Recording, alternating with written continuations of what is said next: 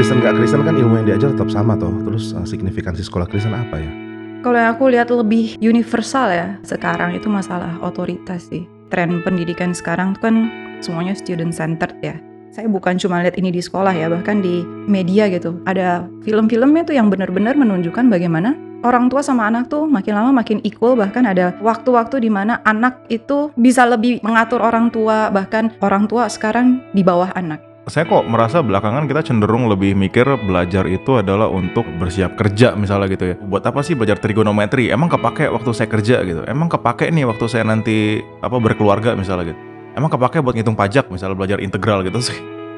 Kualifikasi guru yang oke itu gimana, Pak? Saya bukan guru, saya dosen. Oh. Kalau guru kan tanpa tanda jasa.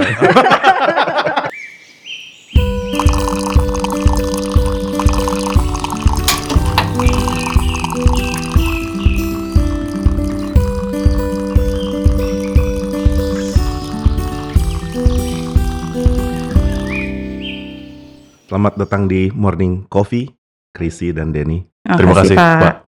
Hal pertama yang mungkin uh, kita bisa bicara adalah tentang panggilan ngajar ya. Kenapa kok bisa ada beban ngajar? Apa dulu pernah ketemu guru yang bagus atau gimana? Ketularan dia kah? Saya sih nggak pernah ketemu guru yang Yang bagus. Saya mesti jadi guru karena semua guru jelek.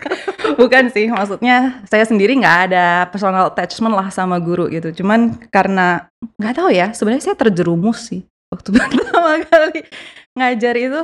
Cuman mikir ah daripada nganggur ya udah ngajar aja karena ada yang nawarin gitu ya. Dan yang nawarin kebetulan juga sekarang ngajar di SKC kan. Nah waktu saya ngajar itu saya nggak tahu ternyata gantiin ngajar itu satu tahun saya kira cuma kayak berapa bulan sambil nunggu guru baru datang gitu nah tapi itu blessing in disguise lah ya maksudnya blessing lah bukan in disguise juga gitu Eh, jadi waktu ngajar itu tuh oh bisa menemukan sukacitanya gitu walaupun tahun pertama tuh sulit banget lah karena waktu itu kan saya belum lulus saya ngajarnya SMA terus jaraknya deket gitu jadi kayaknya mereka mungkin sedikit kurang respect tapi ya nggak tahu lah di dalam kesulitan itu tuh seperti ada eh, daya tarik gitu. Salah satunya adalah apa yang saya pelajarin saya bisa bagiin ke orang lain. Dan waktu saya bagiin itu, ah, itu kayak ada sesuatu yang apa ya, bikin hidup lebih hidup, bikin hidup lebih hidup lah gitu. Jadi oh, ada excitement untuk belajar gitu. Saya sebenarnya bukan tipe yang suka belajar sebenarnya gitu. Tapi ketika saya bisa bagiin itu ke orang lain itu, wah belajar itu jadi sesuatu yang jauh lebih meaningful. Hmm, jadi arti ternyata saya belajar bisa dibagi. Iya iya. Lo waktu itu belum lulus kuliah maksudnya? Belum, lagi nunggu sidang. Hmm. Yang tinggal-tinggal sidang doang sih. Tapi berarti emang bukan jurusan pendidikan gitu, Bu. Awalnya bukan. Seni. Jadi kan saya ngambil desain, saya ngajarnya seni gitu. Jadi teman saya itu nawarin saya justru karena saya dia lihat mungkin saya nganggur gitu kali ya. nganggur terus kayaknya bisa nih ngajar seni gitu, desain kan gitu. Jadi ya udah disuruh gantiin gitu. I see. Kalau yang memang latar belakangnya pendidikan, kenapa akhirnya ngajar? Loh ya karena latar belakangnya pendidikan, Pak. Jadi Oke. karena kuliahnya pendidikan ya kayaknya kalau nggak ngajar salah Tapi kamar. dari ya. awal kenapa masuk pendidikan? No. Kalau dari awal, nah kalau saya sih enggak sih. Kalau ini lebih ke ini ya, lebih ke saya bertemu dengan guru-guru yang membukakan pandangan saya juga bahwa saya seharusnya memang mengajar. Jadi saya ketemu guru-guru di sekolah yang saya pikir sangat baik dan sangat mempengaruhi hidup saya. Lalu saya juga bertemu dengan teman-teman yang eh, mau saya ajarin. Jadi waktu SMA ada beberapa teman yang mau saya ajarin, terus mereka sangat tergerak karena saya mengajarkan mereka gitu, sampai berterima kasih dan sebagainya. Jadi dari situ saya sangat tersentuh ya. Wah ternyata orang bisa sebegininya ya karena saya ajarin. Dan saya jadi penasaran gimana sih cara ngajar yang benar. Akhirnya saya cari kampus pendidikan dan kuliah di di sana. Hmm. Jadi apa yang bikin guru itu bisa punya kualifikasi guru sebenarnya? Ber- karena memang lebih pinter kah atau? Dari pengalaman saya sih saya lihat justru kalau guru merasa dirinya lebih pintar dari siswa sering kali akan jadi masalah ya. Hmm. Karena itu jadi keharusan yang sebenarnya nggak harus kan. Maksudnya ada siswa-siswa yang memang lebih cerdas dari gurunya dan is okay. Karena kan mereka dapat pelatihan di luar, misalnya dapat les, dapat bimbingan dari kecil dan sebagainya. Poinnya guru itu kan adalah mereka bisa mengerti dari setiap materi yang diajarkan itu inti pentingnya apa, poin penting dari materi ini apa, dan menyampaikan itu dengan cara yang bisa dimengerti, dengan cara yang menarik dan engaging ya dengan siswa-siswi yang ada di kelas bukan masalah dia pintar atau enggaknya sih karena ada juga guru yang pinter tapi malah Ya, agak susah gitu malah ngajarnya gitu ya. Iya. Hmm. siswa-siswi jadi harus bilang kayak iya pak kami mengerti guru itu pintar makanya kami nggak ngerti apa yang diajarin gitu karena dia terlalu pintar Jadi syarat guru jangan terlalu pinter malah ya. Eh mungkin lebih kepada dia sendiri. Ini bukan berarti saya udah gitu ya. Cuma Hmm. maksudnya dia sendiri ngerti nikmatnya belajar. Jadi dan dia ngerti gitu. Maksudnya proses dari nggak ngerti sampai ke ngerti itu gimana? Hmm. Jadi waktu anak-anak nggak ngerti eh, mengalami kesulitan, dia tuh bisa menelaah dan mencari gitu. Maksudnya cara supaya bisa menjembatani gap antara nggak ngerti ke ngerti itu gimana gitu. Jadi anak-anaknya tuh bisa belajar beneran belajar gitu, get get the point gitu. Bukan cuman asal transfer informasi doang Hmm. gitu. Tapi proses belajarnya itu tuh proper. Jadi mereka bukan cuman inget informasi, tapi mereka benar-benar paham gitu. Kalau kayak Pak Jimmy sendiri kan juga hitungannya seperti guru ya Pak. Maksudnya mengajarkan teologi misalnya ke jemaat, ke mahasiswa. Lalu menurut Bapak sendiri kualifikasi guru yang oke itu gimana Pak? Saya bukan guru, saya dosen. Oh. Kalau guru kan tanpa tanda jasa. saya pikir eh, poin Krisi benar ya. Maksudnya kita sendiri bisa tolong orang gimana proses dapat pengetahuan, eh, menyenangi ketika jadi tahu dan ya ini harta berharga sih. Bukan cuma sekadar saya dapat sesuatu karena gurunya cemplungin ke otak saya kan. Hmm, Lalu kalau Krisi sendiri kan bidangnya seni gitu ya. hmm, Tapi juga udah pernah pengalaman mengajar beberapa hal yang other than seni. hmm, iya. kalau lihat kebutuhan orang untuk eh, ini ya untuk apa mengerti seni dan belajar seni itu kayaknya ini ini kan ini pengertian yang orang awam umumnya akan bilang nggak terlalu matters banget gitu. Maksudnya oh, Hmm. kamu ngerti seni? Oke nggak juga ya nggak apa-apa lah gitu. Jadi ya mungkin kelas yang boleh ada boleh enggak gitu. Kalau menurut Krisi gimana? Ya itu yang, wah itu kalimat yang sering bikin saya, hmm, agak kesel gitu ya ini maksudnya. kata orang lain ya bukan saya. Iya itu, itu itu itu menurut saya nggak nggak bener lah ya. Maksudnya. Ya Tuhan menciptakan dunia itu kan indah gitu ya, bukan cuma sekedar fungsional, bukan cuma sekedar bisa berjalan dengan baik gitu, tapi eh, Tuhan tuh menciptakan dunia tuh untuk bisa dinikmati secara sight, secara sound gitu, secara texture dan itu adalah sesuatu yang kita pelajari di seni gitu maksudnya untuk bisa menikmati sesuatu beauty-nya. Nah, maka menurut saya pelajaran seni itu penting adalah untuk mengasah ini gitu loh. Em, or apalagi ya maksudnya orang-orang modern tuh kan cenderung fungsionalis, efektif, efisien gitu-gitu dan nggak nggak lihat sisi estetika dari segala sesuatu gitu bahwa segala sesuatu itu ada bukan cuman untuk bisa berjalan dan berfungsi tapi juga untuk dinikmati. Nah, di pelajaran seni saya pikir itu perlu diasah gitu ya. Hmm, itu itu nggak serta merta orang tuh punya kapasitasnya ya, yaitu orang punya kapasitas untuk menikmati secara estetika. Hmm. Tapi eh, nah itu perlu diasah karena nggak langsung jadi gitu dan juga nggak langsung proper. Kadang-kadang kan maksudnya kita tahu ya selera itu bukan sesuatu yang dari sononya gitu. Itu sesuatu yang bisa diasah, sesuatu yang bisa dipelajari, sesuatu yang bisa dipertajam, dibuat lebih sensitif, lebih peka dan bisa lebih proper gitu. Dan saya pikir seni salah satunya pelajaran seni itu perannya di situ. Hmm. Cuman kalau konteksnya Bu Krisi kan lebih ke seni visual ya. Mm-mm. Sejujurnya saya sih nggak pernah suka materi itu. Why? Karena maksudnya mungkin menikmati kayak ngelihat gambar atau apa, wih gambarnya Hmm. bagus atau Hmm. apa, oke lah ya. Tapi Hmm. kalau disuruh melatih menul menggambar, melatih melukis segala macam itu dari nggak tahu dari SD sampai SMA saya nggak pernah enjoy apa kuas digoret-goret di kanvas dan sebagainya. Jadi saya nggak masa nggak bisa ngerti, maksudnya kenikmatannya apa membuat itu gitu. Maksudnya kalau untuk ngelihatnya oke, dijelasin Hmm. kayak oh dari seni ini kayak unsur sejarahnya ini apa whatever, iya oke. Mm, Tapi mm, kalau mm. untuk membuatnya sendiri, teori seninya oke ya Yo, hmm, ya mungkin apresiasinya kali. ya. oke Tapi untuk bisa appreciate kan perlu tahu proses dong. Maksudnya itu kan menggoret-goret itu kan sebenarnya adalah pembelajaran prosesnya gitu ya. Maksudnya jadi kita tuh lebih bisa appreciate kenapa lukisan ini tuh kita anggap wah ini bagus banget nih karena apa? Tekniknya tinggi. Lah kalau nggak ngerti tekniknya terus mau apresiasi ya kan agak zong gitu ya maksudnya. Nggak ngerti cara prosesnya terus mau mengapresiasi betapa rumit atau apa itunya kan agak juga juga agak susah ya. Ya juga sih. Dulu saya ingat saya belajar salah satu tekniknya itu kan pointillism ya, yang di iya. ketuk-ketuk-ketuk gitu. Saya, saya sampai sekarang masih nggak ngerti maksudnya apa Kenapa sih nggak maksudnya. langsung dicoret gini ya? Kenapa? Kenapa sih gini? Ah ya persis anak-anak SD juga kayak gitu. Mereka nggak mau tahu tuk tuk tuk tuk tuk langsung goret goret goret aja. Ya itu karena ya untuk appreciate ya teknik yang di misalnya orang-orang pointillisme zaman dulu itu kan mereka pakai kuas yang kecil ya fine fine fine brushes gitu. Dan itu tuh wah ya kita, harus appreciate ya maksudnya itu ada ketekunan di situ terus ada kayak semacam idealisme yang mau dipertahankan. Maksudnya kan waktu nitik-nitik kan kita berasa ya ini udah pengen goret aja nih lama amat nih nggak selesai-selesai gitu. Tapi ya justru di situ gitu apalagi yang lukisannya udah size-nya besar terus tapi pakai pointillisme itu kan berarti maksudnya di situ ada certain zeal idealisme yang mau dipertahankan untuk dia bisa menampilkan apa yang menjadi konsep idenya dia kreativitasnya di di situ Tapi apa rumit dan sulit equals indah? Enggak sih, enggak sih. Nah itu yang eh, esensinya kan sebenarnya adalah message atau ide di balik itunya gitu. Dan untuk bisa, saya sendiri merasa sering frustrasi. Maksudnya saya bukan seniman ya, maksudnya saya mempelajari seni, saya mendesain gitu. Tapi saya sih nggak bisa bilang saya termasuk seniman.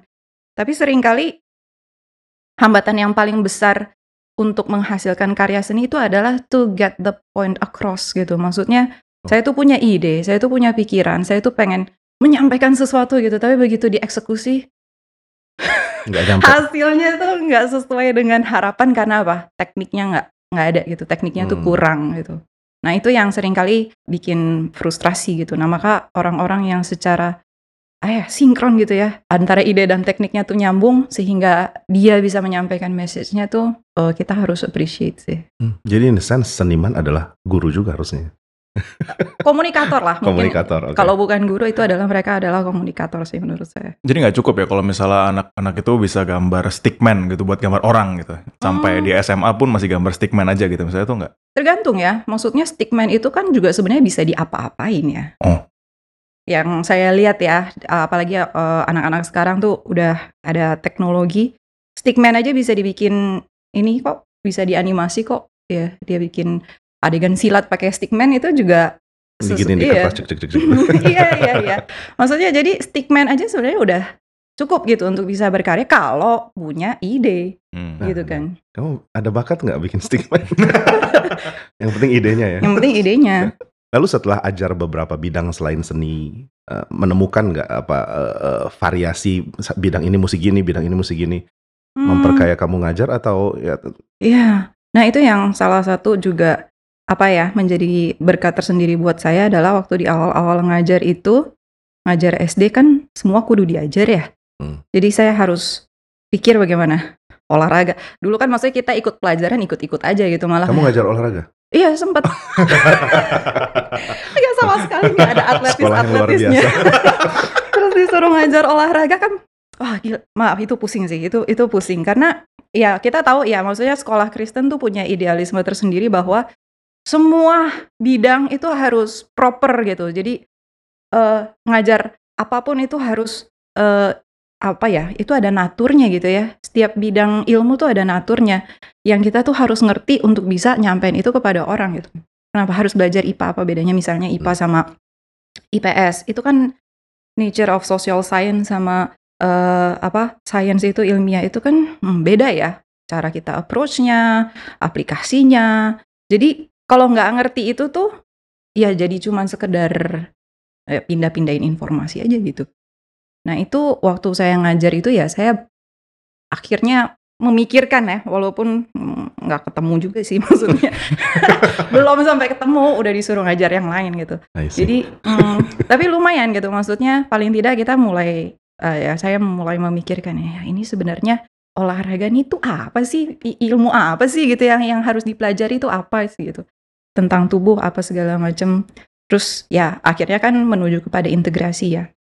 Integrasi kenapa kita harus pelajari semua bidang ini kaitannya apa? Dan kalau saya sebagai seorang Kristen saya mempelajari bidang ini tuh artinya apa? Ya yang kayak gitu-gitu. Ini kenapa sekolah Kristen matters ya? Maksudnya justru di poin inilah kenapa Hmm. sekolah Kristen harus ada. Nah sekarang kita serang Denny. Kalau kekristenan itu penting, gimana dengan matematik gitu? Kamu kan ngejar matematik dan Kayaknya matematik nggak ada kaitan dengan agama apa pun dong. Ini kan ilmu netral yang siapa pun bisa pelajari secara netral. Mungkin nggak juga kali Pak. Maksudnya bahkan dalam konteks matematik sendiri sering kali ada perdebatan yang uh, somehow sifatnya abstrak ya. Dan abstrak dan cenderung agak-agak ke teologis, agak-agak ke agama misalnya gitu. Oh, Misalnya ngomong nggak tentu agama sih, mungkin lebih ke Tiga filsafat dan ya. satu gitu maksudnya. Maksudnya misalnya waktu ngomongin soal apa itu kebenaran, apakah kebenaran itu relatif, apakah kebenaran itu mutlak, itu kan satu topik yang sangat penting di konteks matematika juga. Itu lebih ke filsafat, tapi kan dalam konteks teologi pun kita mempermasalahkan hal itu juga ya. Jadi matematika sih sebenarnya nggak terbatas hanya pada hitung-hitungan bilangan saja.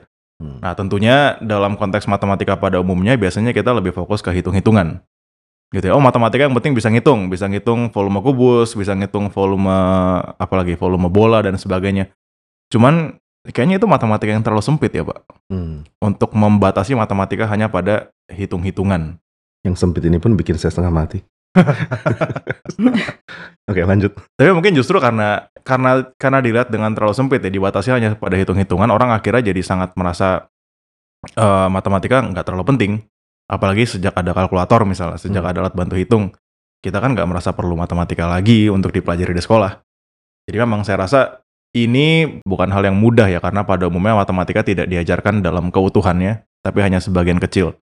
Cuman kalau misalnya kita mau lihat matematika secara lebih utuh, misalnya kita lihat matematika itu ada hitung-hitungan, ada logika juga, logika bagian dari matematika juga, menyusun satu argumen sampai dapat pembuktian yang valid untuk menyatakan bahwa pernyataan itu benar atau salah misalnya.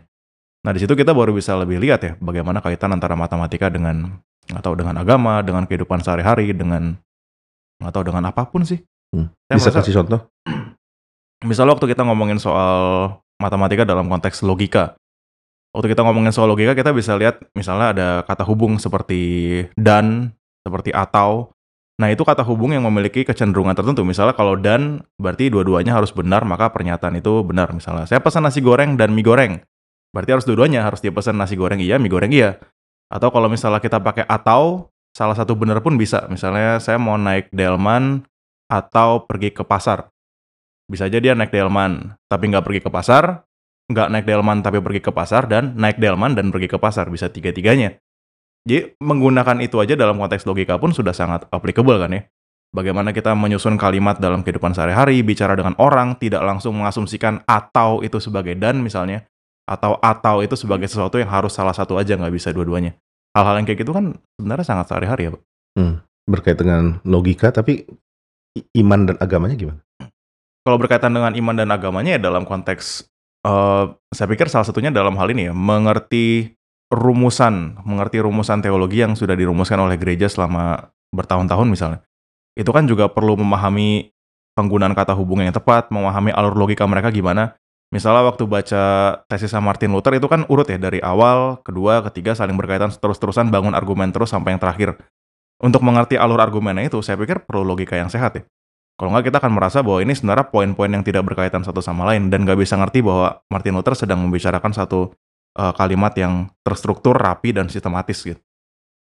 Dalam hal itu sih saya pikir perlu ini ya, perlu perlu mengerti logika dalam matematika juga.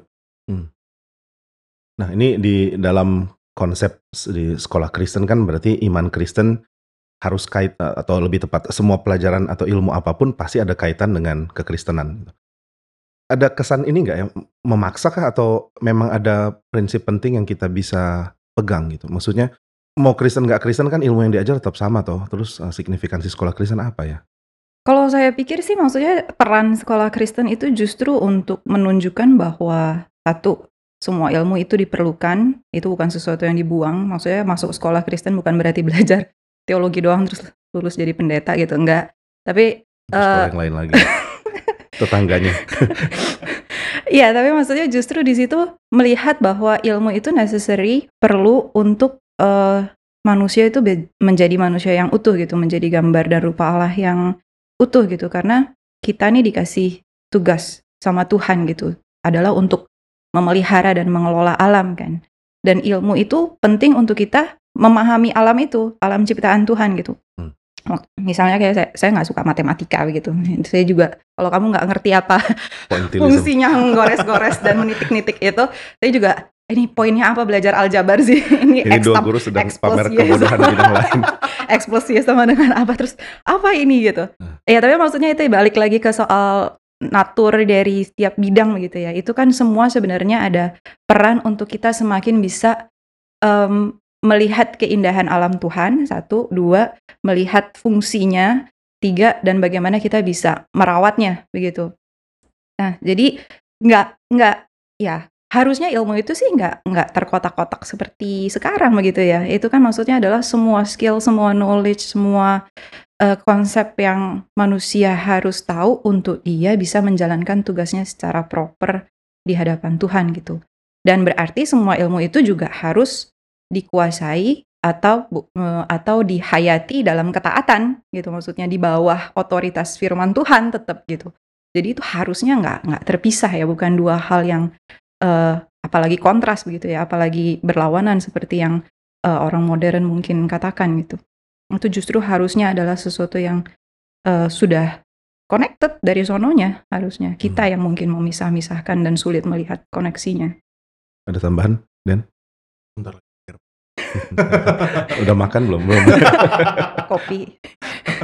Cuman iya maksudnya eh, dalam konteks matematika aja misalnya itu kan sering kali kita terfokus kepada hitung-hitungannya, kepada bikin persamaan dan sebagainya, kita lupa bahwa dalam memahami hukum alam kita menggunakan matematika untuk membahasakan hal tersebut dengan dengan mudah.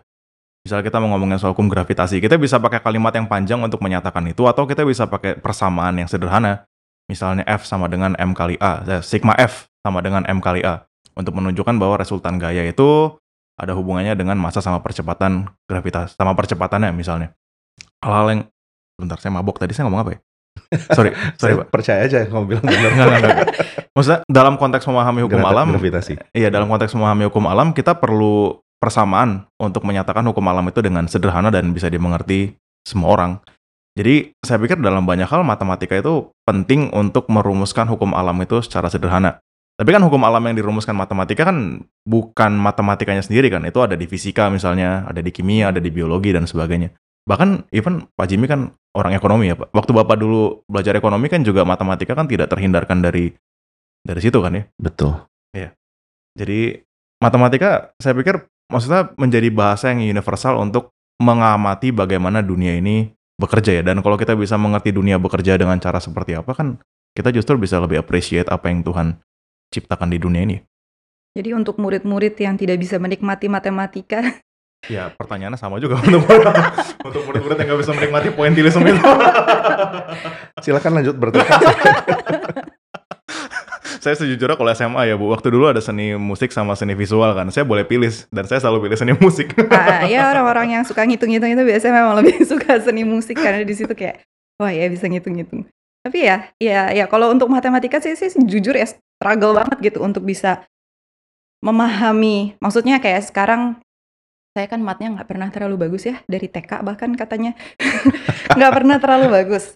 Jadi sampai sekarang maksudnya saya fine fine aja gitu loh, nggak masalah. Maksudnya hidup baik-baik saja, tidak terlunta-lunta di pinggir jalan dan survive baik-baik saja tanpa matematika gitu. Kalau misalnya ada yang ngomong kayak gitu, ah, jadi buat apa belajar matematika sus- susah-susah gitu? Nah tadi poinnya kan bisa lebih menyederhanakan mengerti alam, tapi kita bisa mengerti alam dengan lebih sederhana tanpa Iya. matematik. Eh, ya, ya, maksudnya cuman bagi saya sendiri, saya lihat bahwa dalam perkembangan ilmu, matematika itu penting untuk merumuskan itu secara lebih general ya, supaya setiap orang waktu melihat rumusan itu langsung bisa ngerti apa yang sedang dinyatakan oleh persamaan itu misalnya. Gak mesti harus dia minta orang lain untuk jelasin dulu, eh sorry sorry, ini gimana maksudnya F di sini maksudnya apa ya? Nggak, nggak, nggak gitu kan. Ya, tapi cuman dalam banyak hal sama sih, saya juga dalam hal seni sangat-sangat buruk. Jadi sampai sekarang kalau gambar mobil di papan tulis, saya selalu gambar balok dengan dua dengan dua lingkaran di sana dan Sama ada stickman di dalam. cuman mungkin itu perlu dibedain kali pak maksudnya kita lagi ngomongin skill atau kita lagi ngomongin ini ya eh, Penghargaan pengetahuan terhadap- Nah. Tapi dulu kamu sebenarnya bidangnya bukan matematik ya? bidang saya utamanya itu sebenarnya eh, fisika ya Hmm, cuman memang pas lowongan kerjanya matematika jadi terjerumus. dan bersyukurnya sih terjerumus ke situ sih saya dulu juga nggak suka matematika saya baru sadar saya nggak suka sih. oh, kita bisa bikin klub. saya baru sadar kuliah saya sangat kesulitan karena matematika saya jelek Hmm. dan justru waktu ngajar di sekolah yang sekarang saya ngajar ini justru saya baru bisa mulai suka matematika. Hmm. Jadi saya juga baru mulai belajar belakangan sih mulai enjoy dengan matematika.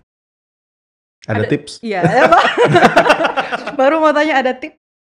Eh ketemu guru yang bagus. Kamu cukup bagus nggak? Nggak terlalu sih belum sih.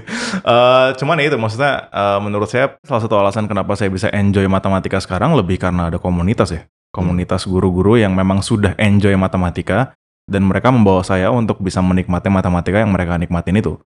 Saya pikir itu yang bikin saya sangat bisa enjoy matematika sekarang. Dulu nggak ada karena dulu lingkungan saya semuanya bawaannya adalah matematika itu menyebalkan, merepotkan, bikin jengkel, bikin susah, nilai saya merah gara-gara matematika dan sebagainya. Hmm. Jadi komunitas penting ya Pak? Termasuk komunitas sesama guru berarti kan? Sesama guru yang bisa saling uh, share tentang pengetahuan, tentang kenapa ini penting gitu ya. Hmm, iya betul betul betul.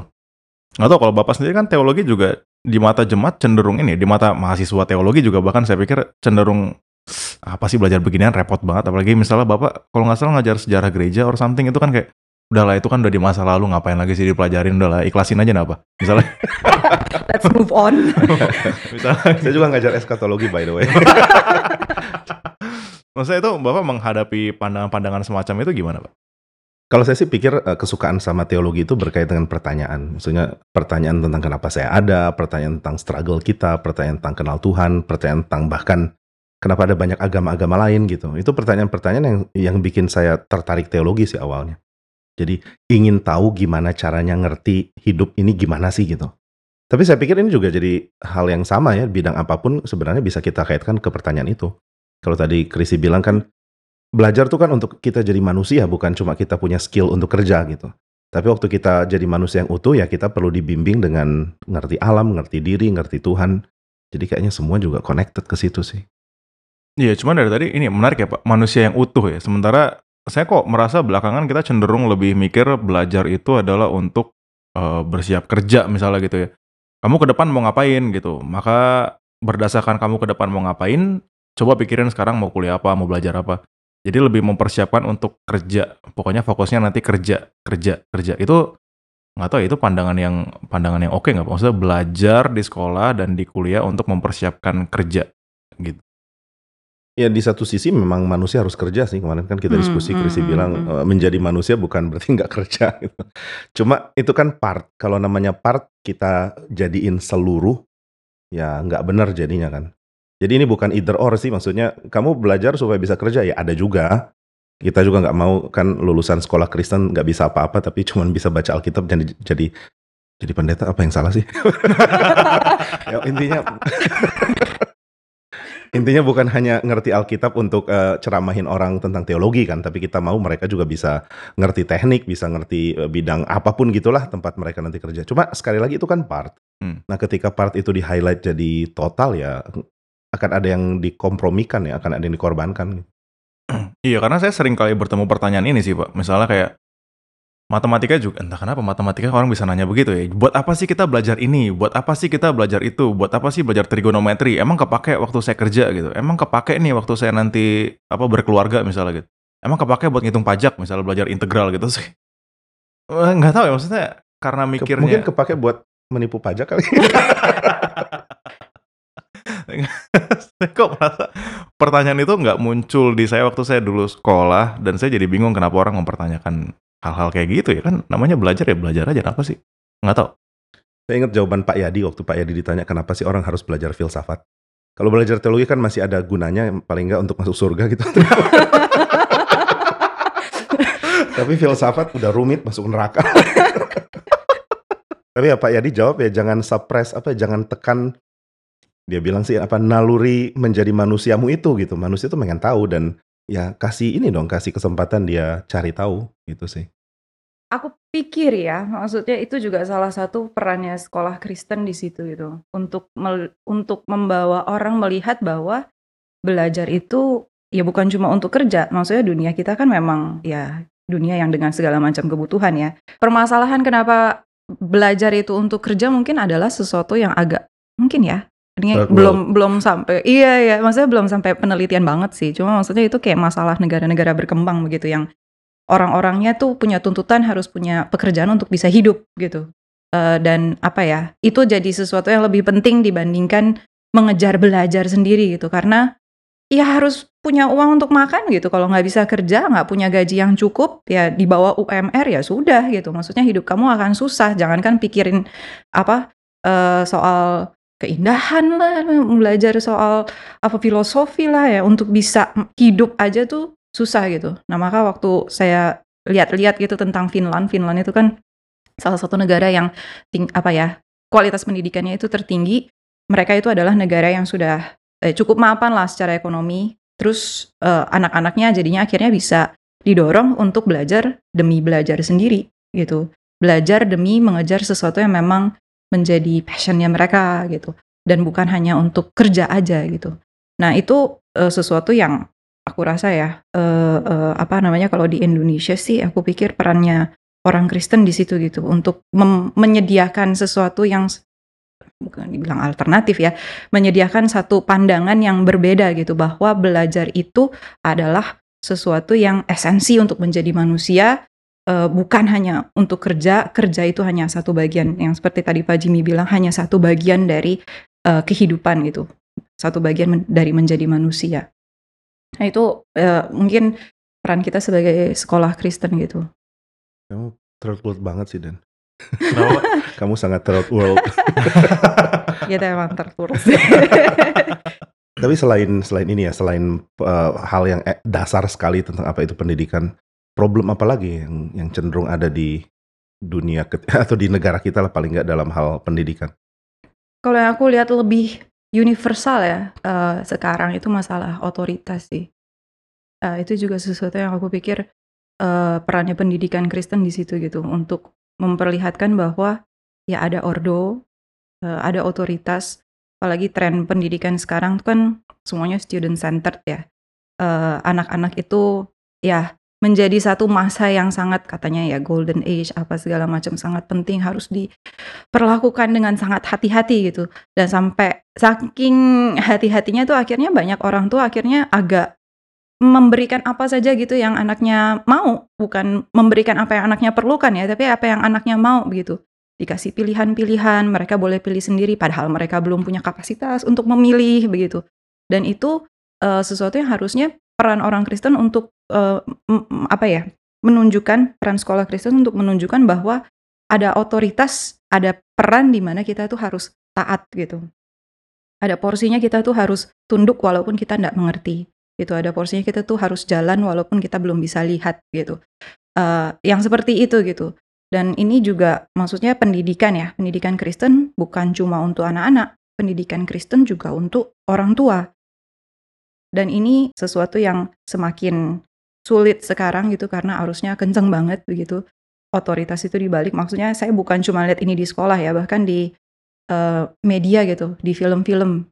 Ada film-filmnya tuh yang benar-benar menunjukkan bagaimana orang tua sama anak tuh makin lama makin equal, bahkan ada uh, waktu-waktu di mana anak itu bisa lebih apa ya, mengatur orang tua, bahkan orang tua tuh harus belajar dari anak. Bukannya salah ya, maksudnya ada ada ada waktu-waktu lah kita sebagai orang dewasa belajar dari anak-anak itu juga ada di Alkitab tuh. Tapi itu makin makin reverse gitu lah, reverse order gitu. Orang tua sekarang di bawah anak. Uh, tugasnya apa? Support anak itu. Tugasnya apa? Uh, kasih apa yang anak mau gitu. Dan itu kayaknya agak nggak nggak Kristen ya menurut menurut saya itu itu nggak Kristen gitu. Itu nggak proper bahkan itu punya potensi untuk mengacaukan balance di dalam kehidupan di dalam ke, dalam masyarakat gitu. Ya cuman saya pikir memang itu mungkin ekses dari yang ekstrim satunya lagi pak, yaitu ya memang sebelumnya kan sebelumnya kita memandang anak itu sebagai manusia-manusia berdosa yang harus dididik habis-habisan. Jadi kita hajar mereka dengan tugas yang banyak, misalnya kita hajar mereka dengan didikan, kamu nggak ngerti apa yang bagus buat kamu, saya yang ngerti apa yang bagus buat kamu, misalnya gitu kan. Jadi akhirnya kalau mereka ngelawan, kita akan merasa mereka sedang melawan Tuhan karena dalam tanda kutip kita perwakilan Tuhannya gitu. Dan saya pikir itu akan jadi masalah juga ya karena itu jadi problem otoritas juga dari yang berotoritasnya sekarang. Justru gitu yang membuli orang-orang yang ada di bawahnya mereka dan ini kan sebenarnya jadi masalah juga. Mungkin karena itu ya akhirnya ada kecenderungan untuk ya swing back ke ekstrem yang satunya lagi yaitu oh anak itu harus di dihargai dengan sangat besar dan sebagainya. Kamu jangan terlalu ngatur mereka. Mereka tahu apa yang terbaik untuk mereka dan dan sebagainya. Mungkin agak gitu juga, Pak. Hmm, jadi swing ekstrim ini bisa jadi apa? Golden means atau apa namanya? Bisa seimbangnya gimana dong? Eh, ya yang yang diajarin Alkitab itu kan satu lead by example begitu kan. Eh, Kristus sendiri menempatkan dirinya itu eh, pertama-tama tuh sebagai gembala, gembala bagi domba-dombanya dan saya pikir itu satu analogi yang bagus ya. Maksudnya kan kenapa bisa ada otoritas yang opresif kayak Denny bilang tadi gitu. Eh, itu kan karena apa? Karena mereka mengangkat dirinya sendiri sebagai orang yang memegang power. Dan power itu bukan digunakan untuk nurture, bukan digunakan untuk membimbing, tapi digunakan untuk melakukan apa yang dia mau begitu, melakukan apa yang dia anggap sebagai kebenaran. Dan kebenarannya sendiri belum tentu selalu benar gitu. Nah, maka ya semuanya akhirnya ujung-ujungnya baik. Orang tua, guru atau orang yang pegang otoritas kan harus tunduk juga kepada otoritas yang paling tinggi gitu. Menundukkan diri sendiri sebagai domba-domba juga gitu. Dan melihat kepada Kristus. Dan itu adalah satu kerendahan hati yang juga tidak dimiliki oleh semua pemegang otoritas itu. Tapi eh, dulu waktu saya belajar pengembalaan ya itu eh, dosennya Pak Romeo Mazo itu bilang ya kita ini adalah eh, under shepherd gitu sebagai pengajar, sebagai orang tua, sebagai apa pun lah, sebagai hamba Tuhan kita ini under shepherd, kita ini adalah memang gembala-gembala gitu, tapi kita gembala-gembala yang juga perlu digembalakan dan harus digembalakan oleh Kristus gitu. Jadi kita sebenarnya juga cuma bawa domba-domba itu kepada Kristus kok gitu. Dan saya pikir itu adalah satu apa posisi hati yang tepat begitu ya sebagai seorang yang memegang otoritas dalam tanda petik untuk tidak swing ke salah satu gitu. Iya. Dan saya pikir memang ada poinnya juga ya untuk yang swing yang ke arah sebelah sini karena ada hal-hal baik yang mereka lagi yang pendidikan sekarang sedang upayakan misalnya coba untuk mengenali siswanya secara pribadi demi pribadi untuk lihat model pendidikan apa yang cocok untuk anak ini model pendidikan apa yang cocok untuk anak itu jadi menyesuaikan model pendidikan kita dengan kondisi anak karena itu membuat mereka belajar dengan lebih mudah dan mereka bisa lebih ngerti apa yang sedang kita sampaikan dalam hal-hal itu sih saya pikir ada baiknya ya karena pendekatan personal seperti itu dalam pendidikan sebenarnya sangat penting kan kita nggak bisa pukul rata dengan cara kita lalu akhirnya yang nggak ngerti cara kita kita anggap sebagai orang yang bodoh atau tidak berkualitas atau sampah masyarakat misalkan nggak bisa gitu juga. Jadi arah yang sekarang itu sebenarnya menurut saya sangat-sangat sangat sehat. Cuman ya maksudnya gimana menyimbangkan itu ya Mm, mm, mm, mm. antara mengutamakan masing-masing pribadi siswa dengan tetap memperhatikan otoritas guru gitu sebagai orang yang Hmm. mengarahkan pembelajaran di kelas itu kayaknya memang memang memang sulit ya. Iya, kalau yang aku pernah baca sih di buku, buku judulnya apa? Dasar Pendidikan Kristen ya, yang ditulis sama Berkov sama Fantil itu loh. Iya, waktu aku baca buku itu ya di Dasar Pendidikan Kristen di situ memang Fantil bilang sih, maksudnya kita nggak bisa langsung buang segala sesuatu pemikiran dunia eh, menganggap itu semua racun gitu. Karena sebenarnya di situ pasti ada kebenaran gitu. Maksudnya itu kan dihasilkan pemikiran-pemikiran itu dihasilkan dari orang-orang yang juga adalah gambaran rupa Allah gitu, yang Tuhan juga kasih common grace gitu untuk dia bisa memahami dunia ini dan apa yang sedang terjadi. Tapi ya itu kita harus shifting gitu, kita harus menyaring mana yang racun, mana yang kebenaran gitu, mana yang eh, racun dosa dalam kebudayaan, mana yang adalah eh, sesuatu yang dari Tuhan gitu untuk kita bisa pakai, untuk kita bisa redeem eh, pendidikan gitu, redeem dunia ini, redeem apa yang eh, berjalan dengan salah gitu. Dan termasuk ya yang tadi Denny bilang gitu ya, ada masa-masa di mana kita tuh belajar ah, guru bodoh amat mau anaknya ngerti kagak ngerti kayak mau anaknya bisa berkembang atau nggak bisa berkembang pokoknya jejelin aja semua materi begitu drilling apa segala macam. Tapi kan sekarang udah mulai dilihat begitu ya bahwa setiap anak tuh unik setiap anak tuh punya cara belajar yang berbeda dan kita tuh eh, bisa menolong dia dengan mengerti hal itu itu kan juga baru sekarang sekarang gitu dan itu adalah aku pikir ya salah satu hal yang baik begitu. Jadi kita ya sebagai guru ya kita kan juga harus terus belajar pembelajar seumur hidup dan ini adalah salah satu pembelajaran untuk kita gitu. Bagaimana kita bisa memahami eh, perbedaan-perbedaan dari setiap pribadi, bagaimana kita bisa membuat mereka menikmati belajar, itu adalah sesuatu yang kita harus terus juga belajar. Nah ini saya pikir jadi satu semoga ya bisa bikin dunia jadi sadar bahwa kekristenan sangat penting. Karena dunia kan swing terus gitu. Entah nanti model pendidikan komunis gitu satu gaya semua. Lalu pendidikan liberal yang juga sama kacaunya sekarang kan. Orang tua nggak boleh bilang anaknya laki atau perempuan, suruh dia yang putuskan. Nah ini swing kalau orang sadar sih ya cuma bisa ditengahi eh, bukan ditengahi mungkin di diridim oleh kekristenan sebenarnya. Kekristenan nggak menawarkan equality yang ngawur, tapi juga nggak menekankan opresif dari atas ke bawah kan. Ya. Tapi saya jadi kepikiran ya, maksudnya orang akhirnya sadar atau paling nggak orang Kristen sadar bahwa sekolah Kristen itu penting, terus uh, dunia pendidikan Kristen itu mesti ada. Kadang-kadang ada kecenderungan untuk membuat du dunia pendidikan Kristen itu pasti harus sudah ideal, sudah Hmm. sempurna, nggak Hmm. boleh ada cacatnya, nggak boleh berproses gitu. Gimana menurut kalian? Tuntutan sangat tinggi untuk sekolah-sekolah Kristen.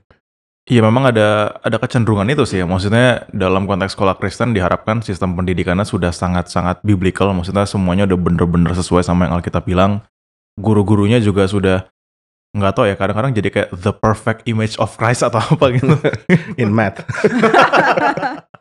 itu kan agak, agak mengkhawatirkan ya. Cuma cuman ya meskipun begitu saya sih bersyukur ya karena sering kali banyak orang tua itu yang sangat kooperatif juga pak. Maksudnya orang tua yang mengerti bahwa gurunya juga terbatas, gurunya perlu bantuan. Dan bahkan sometimes siswa-siswinya pun juga adalah orang-orang yang sangat kooperatif. Yang bisa mengerti bahwa gurunya kadang-kadang juga punya punya kelemahan yang mereka kadang perlu belajar untuk maklum ya. Kadang belajar maklum, kadang belajar untuk bicara baik-baik dengan gurunya. Pak, mungkin sebaiknya begini atau Bu, mungkin sebaiknya begini. Jadi saya pikir dalam konteks itu saya malah merasa pendidikan Kristen itu satu hal, terutama sekolah Kristen lah. Sekolah Kristen itu satu hal yang sangat baik karena di dalamnya sudah ada komunitas yang ber- berusaha untuk menghidupi kekristenan dengan baik. Dalam di dalamnya termasuk saling mengasihi satu sama lain, saling memaklumi, saling mengampuni, saling mendidik, saling menghadap, saling menghormati otoritas dan dan sebagainya. Saya pikir komunitas sekolah Kristen itu sih Pak yang menurut saya Hmm. sangat-sangat eh, baik untuk jadi tempat di mana semua orang bisa belajar. Orang tua iya, guru iya, siswa iya, bahkan staff dan sebagainya juga iya. gitu. Hmm. Ya, ya, dan itu bukan komunitas yang perfect lah ya, karena orang-orang di dalamnya juga orang-orang berdosa begitu. Tapi itu paling tidak dengan segala kelemahan komunitas Kristen dan sekolah Kristen itu, kita itu adalah orang-orang yang tahu kebenaran gitu. Jadi di dalamnya kita eh, berproses menuju kepada kebenaran. Di mana kalau mungkin di luar mereka ya nggak tahu kebenaran di mana gitu kan, disorientasi, eh, nggak ada nggak ada core-nya gitu, nggak ada eh, aim yang jelas gitu. Dan kebanyakan apa? Kebanyakan akhirnya ujung-ujungnya duit misalnya. Hmm. Bi- Bicara kesuksesan, kesuksesan secara finansial begitu, kesukse- eh, keberhasilan dan eh, perkembangan dilihat juga secara material begitu. Tapi kita mm, komunitas Kristen walaupun di dalamnya misalnya terjadi konflik, misalnya terjadi ketidaksetujuan dan lain-lain itu eh, paling tidak ya kita itu berusaha untuk mengejar kebenaran gitu. Ketika ada konflik pun ya kita harapkan konfliknya fokusnya itu bukan kepada soal ujung bu- bukan soal duit, bukan soal finansial, bukan soal power, tapi bicara soal kebenaran dan itu harusnya ya komunitas Kristen itu jadi sesuatu oasis lah ya, angin segar gitu di tengah-tengah dunia yang eh, urusannya itu adalah power and money gitu. Cuman tetap sih ada bahayanya juga ya karena ya itu karena komunitas Kristen mungkin Pak. Jadi ada kecenderungan untuk mengatasnamakan Tuhan dalam berbagai hal gitu. Eh, termasuk misalnya dalam mendidik misalnya mereka merasa cara mendidik mereka yang paling benar dengan atas nama misalnya oh karena pendidikan ini berdasarkan eh Alkitab Hmm. 1 2 3 4 5 6 7 8 lalu lalu kita yang masih baru belajar kan merasa wah mati lah saya nggak punya backup ayat Alkitab nih gimana nih Oh, makanya mau masuk sekolah teologi. ya? Hmm. jadi ada gitu-gitunya jadi maksudnya ya oh di, di sekolah yang nggak pakai dasar Kristen kan nggak akan gitu ya maksudnya perdebatannya mungkin ngutip teori pendidikan siapa atau apa tapi kalau udah pakai Alkitab mungkin kadang-kadang ya jadi jadi agak sulit juga Tapi mungkin komunitas Kristen mesti belajar juga ya bahwa kutip Alkitab kan di backup dengan penafsiran yang mungkin bisa salah juga, bisa saling diluruskan gitu. Jadi kayaknya membahas ayat pun jadi bagian penting di dalam komunitas Hmm, hmm, Kristen hmm, sih. hmm. Dan itu ada ayat yang bisa dibahas gitu loh. Maksudnya kita tuh pasti punya satu foundation yang sama. Jadi Hmm. kita bisa bicara dalam language yang sama, dalam bahasa yang sama gitu. Dan memang tinggal bukan tinggal lah ya. Memang urusan nanti hermeneutiknya gimana begitu kan, interpretasinya gimana sih ayat ini, aplikasinya gimana gitu. Itu yang bisa diverse, yang bisa beragam. Tapi paling enggak dasarnya tuh sama dan itu ya menyimpangnya maksudnya apalagi kita di dalam gerakan yang udah jelas tradisinya gitu ya, confessionnya apa, itu tuh menjadi sesuatu yang lebih ada pagernya gitu loh, koridornya. Kita bicara nggak akan ke mana-mana. Dan itu lebih mudah untuk dicek. Kalau kamu interpretasinya seperti ini, ah kira-kira motivasinya apa?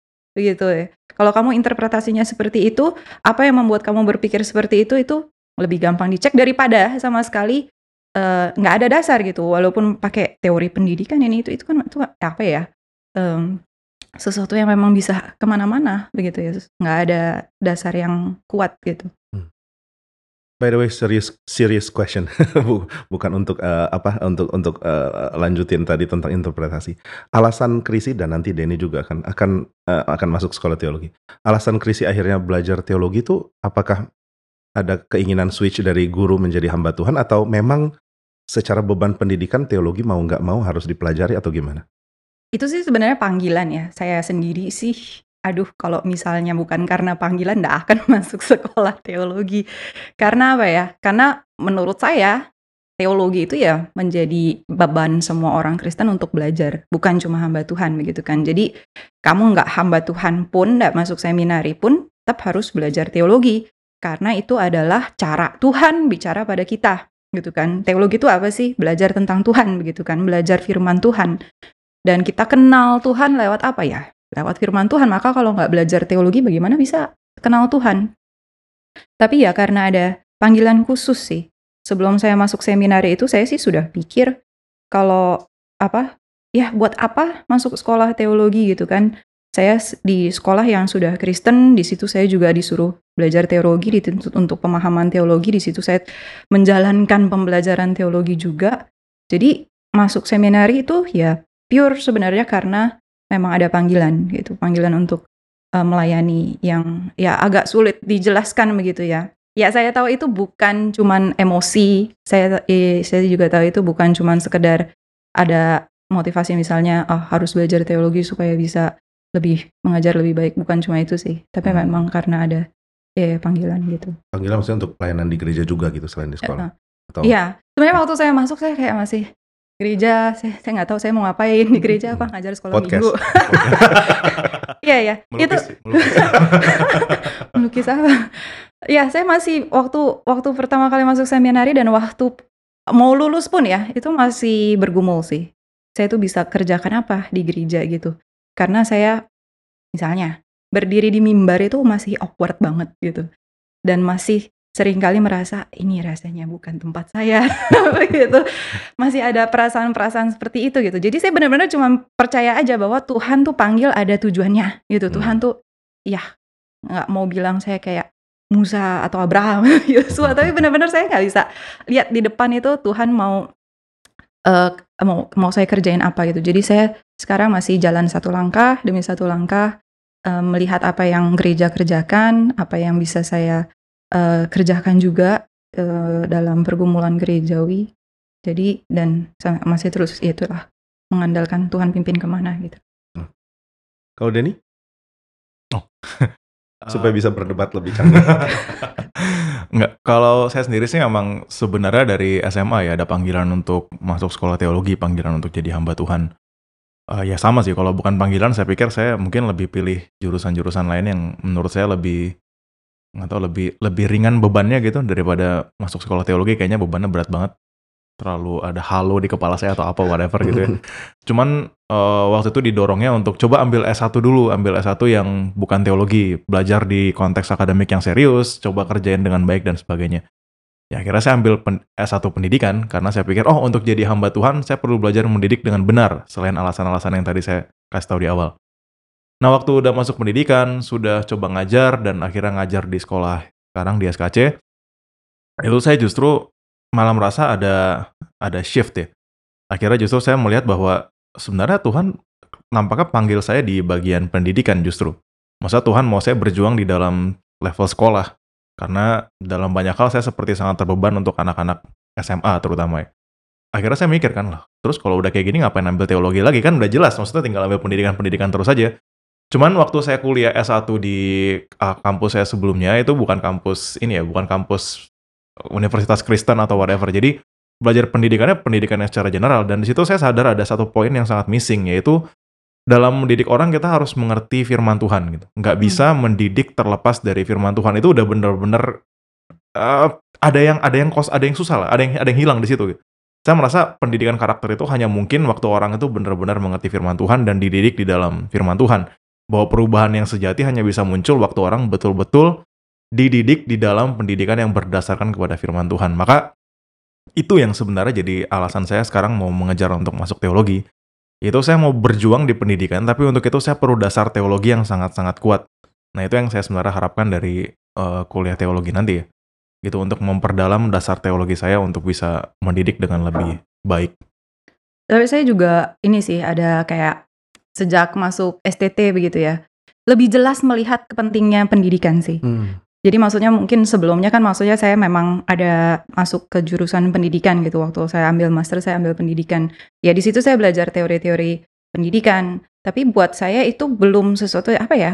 Tidak menggerakkan begitulah ya, tidak menggerakkan untuk melihat lebih jelas lagi visi pendidikan itu seperti apa. Nah, waktu saya masuk STT belajar tentang sejarah gereja, belajar tentang doktrin lebih dalam lagi, belajar tentang filsafat uh, atau worldview Kristen gitu. Oh, saya makin bisa melihat signifikansinya sekolah Kristen, signifikansinya pendidikan Kristen, kaitannya antara gereja dengan sekolah, dengan masyarakat. Itu semuanya tuh terhubung begitu. Memang masing-masing punya perannya sendiri, punya sfernya sendiri, punya aturan dan otonominya sendiri, tapi itu tuh tidak terpisah, saling mempengaruhi, sinergis gitulah. Dan itu uh, semakin jelas waktu saya belajar di seminari begitu, karena saya melihat satu sfer lagi nih, satu sfer lagi yaitu gereja dan bagaimana gereja juga berperan di dalam pendidikan Kristen. Baik, waktu kita sudah cukup sepertinya. Oh, terima kasih banyak untuk Krisi dan Denny. Tuhan pimpin, Tuhan berkati pelayanannya. Tuhan pimpin masuk sekolah teologinya dan kiranya ya. Tuhan terus pakai kalian dalam dunia pendidikan yang sangat diperlukan di negara ini. Hmm. Tuhan berkati. Terima kasih juga Terima Pak kasih, untuk undangannya. Pak. Terima kasih Pak. Ya.